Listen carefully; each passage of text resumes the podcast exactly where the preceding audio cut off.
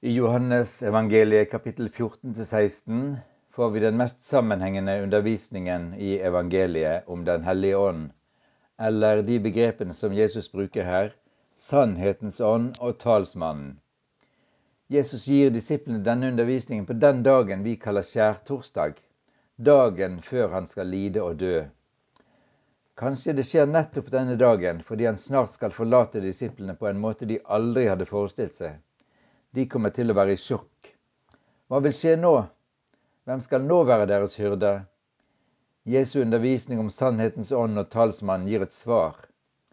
Talsmannen, som er en oversettelse av det greske parakletos, kan bety, også bety trøsteren og hjelperen. Jesus lover disiplene at de aldri skal være Evangeliene skrevet av Markus og Lukas, og i Apostlenes gjerninger leser vi mye om Den hellige ånds kraft. Johannes, Johannes gjengir Jesu undervisning om ånden med andre betegnelser, nemlig sannhetens ånd og talsmannen. Hva er det Johannes vil ha spesielt fram? Jeg anbefaler en langsom og grundig lesning av Jesu undervisning om Den hellige ånd, slik det er gjengitt av Johannes. Les og be, og ha gjerne Bibelen framfor deg om du har mulig, mulighet. I det følgende viser vi litt skjematisk hvordan Johannes har skrevet ned Jesu ord. Først om navnene sannhetens ånd, talsmannen og Den hellige ånd. Så om åndens forhold til far og Jesus. Og derfor kan vi utlede treenigheten. Og så om åndens oppgaver. I kapittel 14 vers 16 og det følgende snakker han om både sannhetens ånd og talsmann, som altså selvfølgelig er en og den samme. Og I teksten heter det og jeg vil be min far, og han skal gi deg en annen talsmann som skal være hos dere for alltid, sannhetens ånd. Kapittel 14 vers 17 finner vi noe som er veldig viktig, og det er at når Jesus omtaler ånden, selv om ord, det greske ordet for ånd er et intetkjønnsord, topneuma, så omtaler Jesus ham alltid som ham, aldri den eller det. Og Jesus sier, for verden ser ham ikke og kjenner ham ikke, men dere kjenner ham. Og så videre står det om at ånden ett med Jesus og med Faderen. Tre ganger i kapittel 14 nemlig vers 15, 21 og 23, så heter det dette Den som elsker meg, vil holde fast på mitt ord. Sannhetens ånd fører alltid til kjærlighet til og lydighet mot Jesus og hans ord. I kapittel 14 vers 26 så tales det om talsmann og Den hellige ånd. Og på nytt ser vi dette bildet av treenigheten. Jesus sier, 'Talsmannen, Den hellige ånd, som min far skal sende i mitt navn'. Og så kommer et viktig ord i kapittel 15, vers 26, som også taler om treenigheten. Når talsmannen kommer, han som jeg skal sende dere fra far, sannhetens ånd som går ut fra far, da skal han vitne om meg. Kapittel 16, vers 7 er det tale om eh, om sannhetens ånd, talsmannen. Dersom jeg ikke går bort, kommer ikke talsmannen til dere, men går jeg bort, kan jeg sende ham til dere. Og så vers 8, der Jesus sier om hva som er den sannhetens ånd eller talsmannens oppgave. Når han kommer, skal han gå i rette med verden og vise dem hva som er synd, hva rettferdighet er, og hva dom er. Og så på nytt kapittel 16 vers 12. Ennå har jeg mye å si dere, men når sannhetens ånd kommer, skal han veilede dere til hele sannheten. For han skal ikke tale ut fra seg selv. Og så det siste verset eh, om eh, talsmannen, den sannhetens ånd, og hans oppgave. Han skal herliggjøre meg, for han skal ta av det som er mitt kapittel 16, vers 14. Så vi merker oss altså at selv om ordet pneuma på gresk er et intetkjønnsord, er ånden likevel alltid omtalt med hankjønnspronomene han, av toss på gresk. Den hellige ånd er verken den eller det, men han, altså en person. Og i disse avsnittene vi har lest, så er, så er talsmannen en som skal herliggjøre Jesus. Han skal ta det som er fra Jesus. Han er utsendt fra far, og han skal gå i rette med verden. Og han skal veilede dem som hører Jesus Kristus til. Eh, la oss se litt på, på de greske betegnelsene som kan kanskje oversettes med litt forskjellige ord.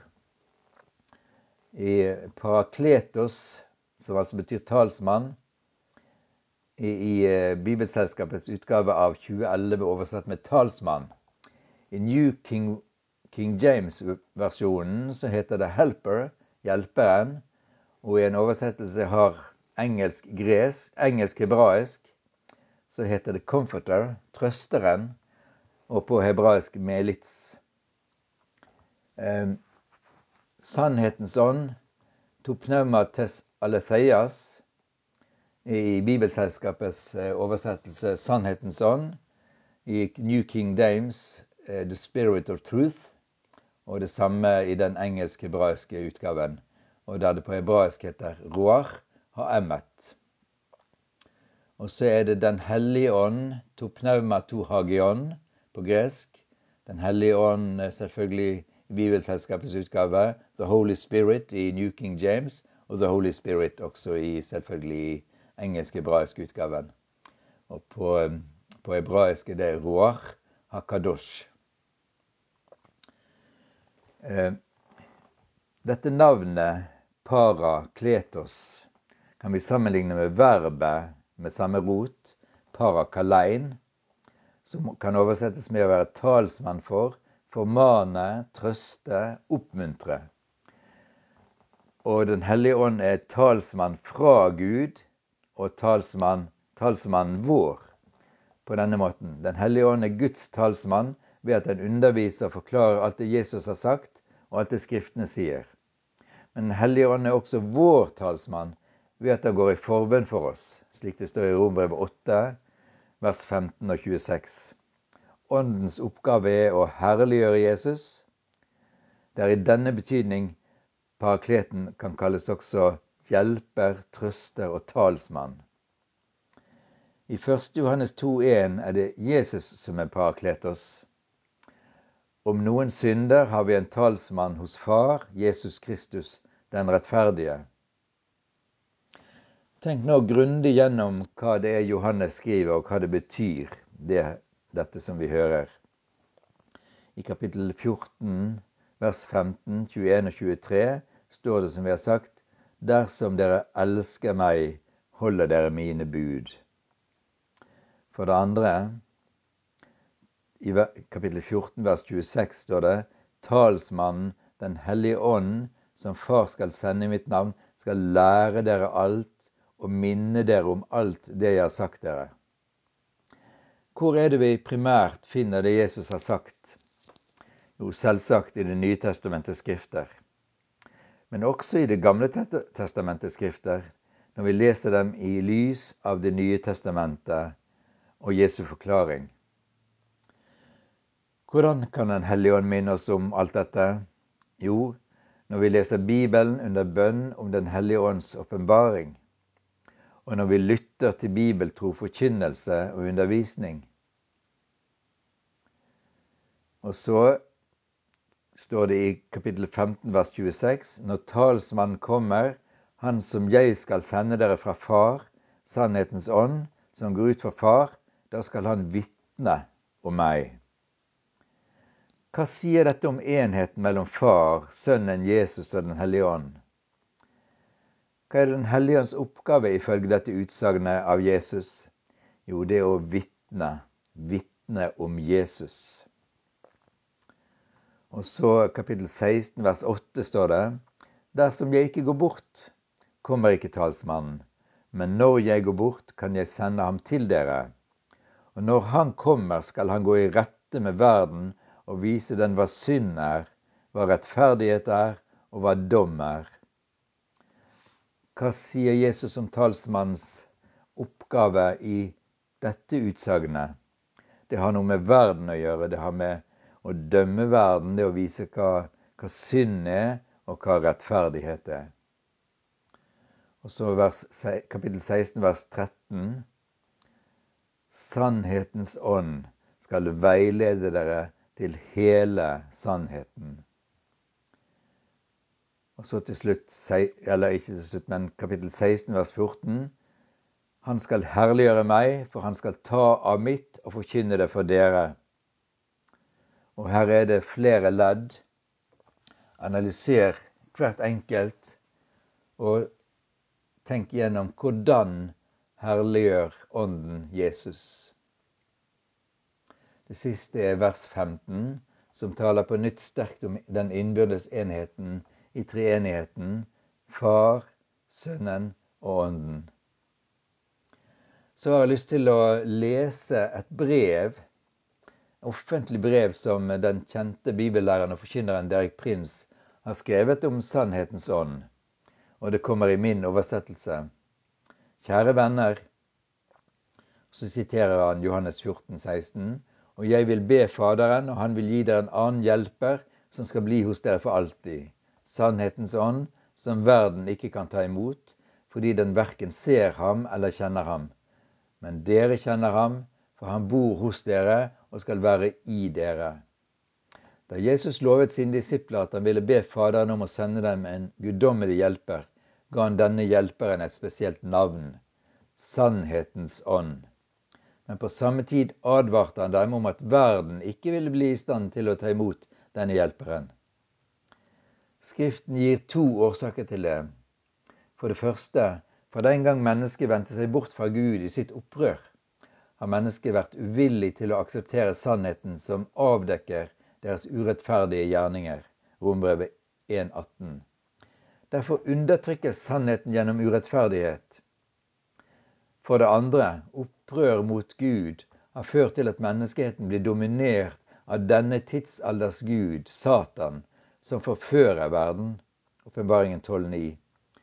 Forførelse er Satans primære våpen for å få menneskeheten under sin kontroll. Med en gang hans mulighet til å forføre er tatt bort, vil han ikke ha noe annet å tilby enn et sted sammen med han selv i sjøen med den evige ild. Noen gang, ikke noen gang gjennom historien har menneskelig filosofi vært i stand til å presentere en tilfredsstillende definisjon av hva sannhet er. Men på den annen side i Bibelen et trefoldig svar. Først sier Jesus 'Jeg er sannheten', Johannes 14, 14,6. For det andre sier han når han ber til sin far 'Ditt ord er sannhet', Johannes 17, 17. Og for det tredje er Den hellige ånd sannhet, 1. Johannes 5, 6. I den åndelige virkeligheten er det tre koordinatorer av sannheten. Jesus, Skriftene og Den hellige ånd. Når disse tre stamstemmer, vet vi at vi har nådd fram til sannheten, den absolutte sannhet. Det er imidlertid nødvendig at vi sjekker alle tre koordinatorene før vi konkluderer. Vi må stille tre spørsmål omkring alle åndelige spørsmål. Representerer det Jesus som den han virkelig er? Er det i harmoni med Skriften? Det vi hører, er det i samsvar med Den hellige ånds vitnesbyrd om Jesus? Historisk ville Kirken blitt spart for mye vrangler og forførelse hvis den hadde, alltid hadde sjekket disse tre sannhetens koordinatorer.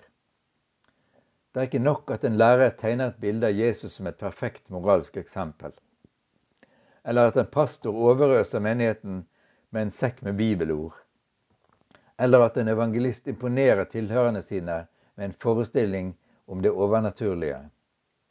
Før vi kan akseptere det som presenteres som sannhet, må alle tre koordinatorene være på plass Jesus, Skriften og Den hellige ånd. I den trefoldige presentasjonen av sannheten er Den hellige ånds funksjon å vitne. Det er Den hellige ånd som vitner, 1. Johannes 5, 6-8. Hva vitner Den hellige ånd om? Den hellige ånd vitner om at Jesus er Guds evige sønn, som utøste sitt blod på korset som et fullkomment offer for våre synder. Den hellige ånd vitner også om at Skriftens sannhet og autoritet, slik Paulus skriver til tessalonikerne, For da vårt evangelium kom til dere, skjedde det ikke bare med ord, men også med kraft, ved Den hellige ånd og med full overbevisning. 1. Tess 1,5. Fra historien om Ananias og Safira i Apostlenes gjerninger 5 forstår vi at det ikke kan bli noen kompromisser mellom Den hellige ånd, som er sannhetens ånd, og Satan, som er en løgner og løgnens far. Johannes 8, 44. Dette ble dramatisk demonstrert allerede i urkirken gjennom denne hendelsen. Ananias og Safira påsto at de hadde brukt, brakt alle pengene fram for apostlene, men de hadde holdt noe tilbake. Men sannhetens ånd i Peter kunne ikke narres. Han avslørte at Ananias hadde løyet, ikke bare for mennesker, men også for Den hellige ånd, sannhetens ånd. Peter svarer, Ananias, hvordan har du latt Satan fylle ditt hjerte så, kunne, så, du kunne lyge for Den hellige ånd? Du har ikke bare løyet for mennesker, men for Gud. Da Ananias hørte disse ordene, falt han om og døde. En stor frykt kom over alle dem som hørte om det. Tre timer senere kom Safira inn og gjentok den samme løgnen. Og som sin mann ble betalingen for løgnen død. Ananias og Safiras synd var hykleri. De pretenderte å være religiøse, å være sjenerøse og mer overgitt til Herren enn de i virkeligheten var. Jesus reserverte sine sterkeste domsord til hykleriets synd hos sine motstandere. Sju ganger i Matteus 23 sier han til dem, Ved dere hyklere. Hva er hykleri? De engelske ordene hypocrite og Hypocrisy er direkte avledet av det greske ordet hypokrites. Essensen av hykleri er å utføre en religiøs handling uten virkelig å gjøre den. Uten å stå for den. Faktum er at noen former for religion krever det. Når folk går inn i en religiøs bygning, endrer atferden deres seg. De er ikke lenger naturlige, frie og åpne. Det ser ut som de er grepet av en slags åndelig krampe, og de føler at det kreves at de, de, de føler at de, det kreves at de tar på en åndelig maske. Forskjellige religiøse retninger forventer ulike masker. Når forkynnere fordømmer ulike former for synd, responderer disse menneskene med amen. Men utenfor kirken kan de begå disse syndene uten så mye som en liten bit av dårlig samvittighet. Hvis de ber høyt, bruker de et bestemt tonefall og vokabular. Bibelens Gud bruker ikke tid på hyklere. Det kommer tydelig fram i historien om Jobb. Jobbs tre venner uttalte tirader av religiøse plattheter. De ser f.eks. at Gud velsigner alltid den rettferdige, han kommer aldri til å lide urettferdig, eller Gud dømmer alltid den onde, slik at han aldri skal nyte goden i livet. Men historiske fakta demonstrerer at dette ikke er sant. Det er kun religiøst prat. På en annen side var Jobb totalt ærlig. Han sa, Gud behandler meg ikke, ikke rettferdig. Jeg har ikke gjort noe som gjør meg fortjent til den lidelsen. Men selv om Gud dreper meg, vil jeg likevel stole på ham. I Jobb 42,7 åpenbarer Herren sin dom av Jobb og hans venner. Herren sa til Elifas, Jeg er brennende harm på deg og de to vennene dine, for dere har ikke talt rett om meg som min tjener jobb. Vi trenger å spørre oss selv, hvordan er denne religiøse oppførselen forskjellig fra Ananias og Safira, den som kostet dem livet? På et tidspunkt i sitt liv ble kong David skyldig i fryktelige synder. Først drev han hor og begikk ekteskapsbrudd med Batseba. Så for å dekke over synden fikk han Batsemas ektemann Uria drept. Det så først ut som David skulle slippe unna. Han fortsatte med sin gudstjenestetradisjon. Han forlot ikke sine plikter som konge. Han hadde fortsatt sitt kongelige palass. Ytre, ting, ytre sett var ingenting forandret, inntil Guds budbærer, profeten Natan, konfronterte David med hans synder. På det tidspunktet hang Davids evige skjebne i en tynn tråd. Med Guds nåde ga David Gud den rette responsen, slik vi leser i Salme 51. Han gjorde ingen forsøk på å skjule sin synd. David, David befant seg ansikt til ansikt med noe som bare sannhetens ånd kan åpenbare. Han har kjent ikke bare den forferdelige synden, men også at den onde synd som bor i alle mennesker etter Adams fall, også var i ham. Når synden erkjennes, sier David, se, du vil ha sannhet i menneskets indre. Lær meg visdom i hjertets dyp. David erkjente at han hadde vært en hykler, en som gjorde religiøse plikter i det ytre, men i sitt indre var full av urenhet. Det fantes bare én løsning, en helhjertet omvendelse. Gud går aldri på kompromiss med synden. Hele Bibelen vitner om det. Det er klinkende klart på, de, på to av dagene i påskeuken, palmesøndag og langfredag. På palmesøndag ble Jesus mottatt i Jerusalem som en populær helt, profeten Jesus fra Nasaret. Hele byen jublet for ham. Han kunne enkelt ha slått ut sine bitre fiender, de religiøse lederne, og latt folket innsette ham som konge.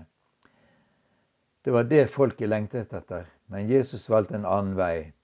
Fem dager senere hang han på et grufullt kors, avvist og naken. Hvorfor? fordi Gud aldri går på kompromiss med hvordan han må behandle synden. Det måtte skje gjennom Jesu offer på korset. Mange kristne i dag snakker om og ber om vekkelse.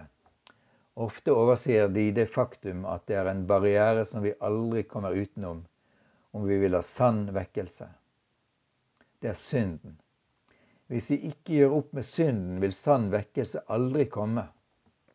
Og det er bare én måte å gjøre opp med synden på. Ordspråkene 28, 13 sier den som skjuler syndene sine, skal ikke lykkes. Den som bekjenner og vender om, finner barmhjertighet. Vi må erkjenne at en stor del av kirken i vår tid er full av tildekte synder. Her er noen av syndene kristne ofte søker å dekke over. Overgrep mot barn, fysisk, emosjonelt og seksuelt. Brutte ekteskapsløfter uetisk behandling av penger, avhengighet av pornografi. Det er sjokkerende hvor utbredt det er blant ledere i menighetene. Gud, Guds måte å løse en fra disse syndene er tofoldig. Først må det bekjennes, så må det forsakes. Det er sjelden enkelt å bekjenne synd, men det finnes ingen annen utvei. Dersom vi bekjenner våre synder, er Gud trofast så han tilgir oss våre synder og renser oss for all urettferdighet, skriver Johannes, 1. Johannes 1,9. Gud har aldri lovet at han vil tilgi synder som vi ikke er villige til å bekjenne. Men det er ikke tilstrekkelig bare å bekjenne. Vi må forsake. Vi må gjøre resolutte bestemmelser om at vi ikke vil fortsette å gjøre de synder vi bekjenner. Vi må følge det rådet Daniel ga kong Nebukaneser. Riv deg løs fra dine synder med rettferdighet. Daniel 4,27. Mellom rettferdighet og synd er det ingen mellomting. All urett er synd. 1. Johannes 5,17. Alt som ikke er rett, er synd. Står du nå ansikt til ansikt med en vanskelig bestemmelse? Hvis dette brevet mitt har gjort at du må stille spørsmål ved ting i ditt liv som du hittil har akseptert, eller det har konfrontert deg med områder av ulydighet, så åpne opp ditt liv for sannhetens ånd. Han er klar og villig til å komme deg til hjelp. Hilsen Derg Prins. Og så en liten oppsummering helt til slutt. Om sannhetens ånd, Den hellige ånd og kraften. Jesus lovet disiplene at de skulle få kraft, på gresk dynamis, når Den hellige ånd kom over dem. Apostelens gjerninger kapittel 1 vers 8. Da kunne de være hans vitner til jordens ende. Jeg tror vi kan si det slik. Sannhetens ånd og Den hellige ånd er selvsagt én og samme. Sannhet og hellighet henger nøye sammen. Han er den hellige som vil helliggjøre oss. Skal han helliggjøre oss, må han få virke i oss med sannheten. Bare når sannhet og hellighet forfyller oss, blir vi fylt med Åndens kraft. Derfor vil jeg si at Johannes' gjengivelse av Jesu ord om sannhetens ånd, han som er den hellige Guds talsmann til oss, er veldig viktig. Hvis vi ønsker å bli fylt av Åndens kraft til utrustning, må vi søke sannhetens ånd.